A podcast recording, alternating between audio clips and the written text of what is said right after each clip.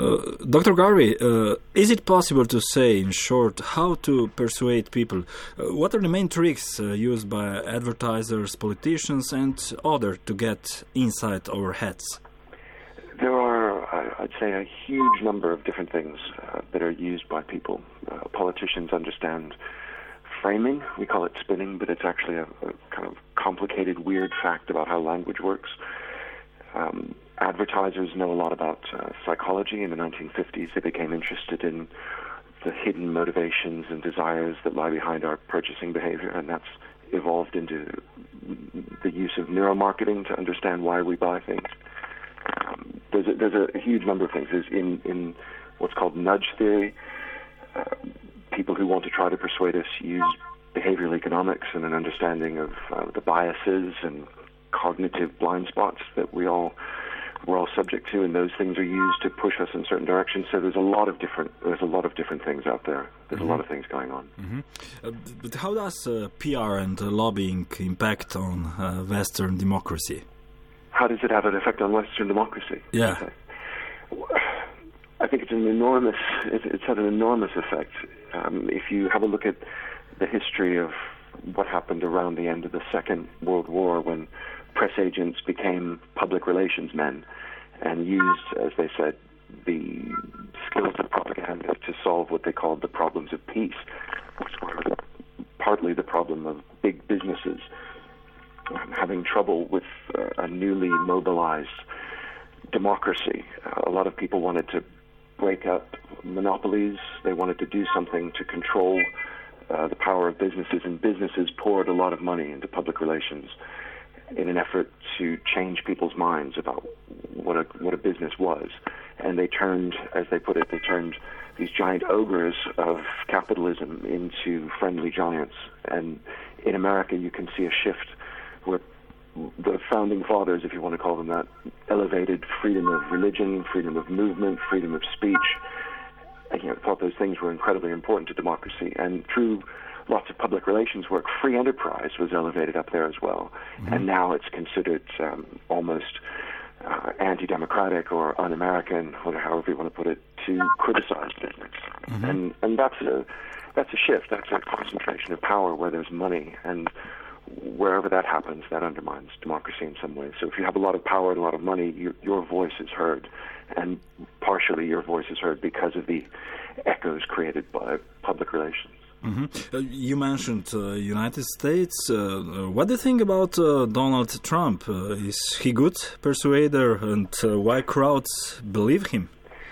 That's a puzzle to me, but he he certainly. I don't think he's. I don't think he's doing anything great deal of care and deliberation. I just think he's either naturally a naturally good, loud, charismatic creature who maybe has had his skills honed uh, as a television personality. So he was a reality television character, and he knows what appeals to the popular mood.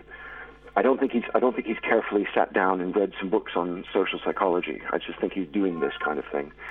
But it's true, and we've known for a long time that in certain uh, political moments, a very strong leader repeating simple messages over and over again to a populace that's maybe afraid or in some sense threatened, um, that's a very powerful combination. And when he- history is heading in a certain way, that kind of person can can rise to power. So I think I think Trump is actually um, not a buffoon. He's actually uh, it's, it's a frightening prospect. He he might get elected. I, I think that's still possible.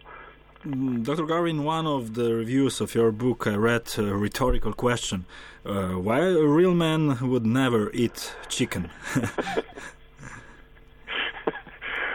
Okay, that's a that's a quote from uh, Ernest Dichter, who was a what was called at the time a, a depth prober, or a person who brought Freudian analysis to advertising, and he he examined products, and instead of just selling them because of uh, what they might do, right? A car might be good because it's fast or whatever.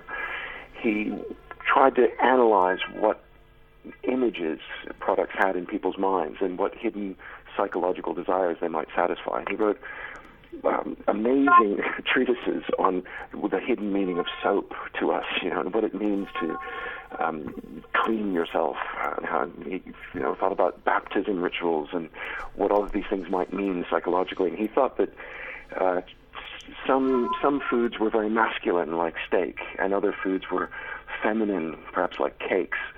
And he believed that if you wanted to sell a product and it had a masculine uh, psychological resonance in, in our minds and you pitched it in a feminine way, you'd put people off. And I think he believed that uh, chicken chicken was feminine and roast chicken, he said, was bisexual. so f- figure that one out yourself if you can. Mm-hmm. And my last question is maybe a little bit more uh, personal.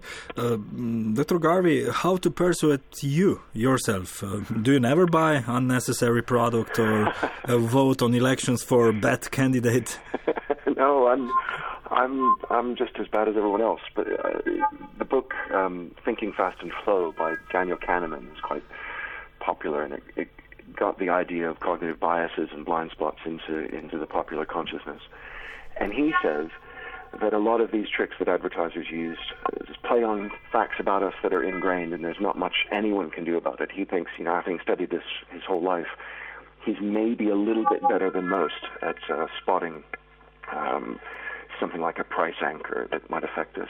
I think the thing to do, the, the, the thing to do for you if you're working, trying to work out where the persuasive pressure is on you is just try to f- spot those moments in your life when your decision really matters, like when you vote, when you make a big purchase, uh, when you're trying to help someone decide what to do and it matters.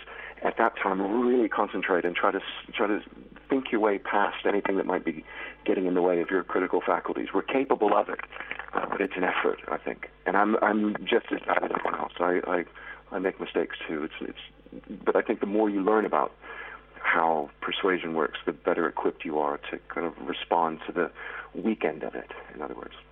Um, Mr. Garvey, thank you very much for your time and for this interview.